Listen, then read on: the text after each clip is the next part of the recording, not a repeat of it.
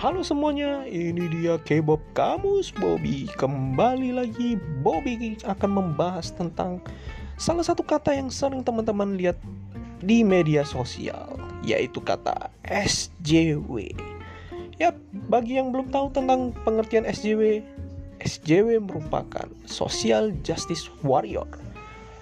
Sebuah istilah sindiran terhadap orang-orang yang selalu mencari pembenaran atau selalu membela pendapat atau pandangannya terhadap sesuatu.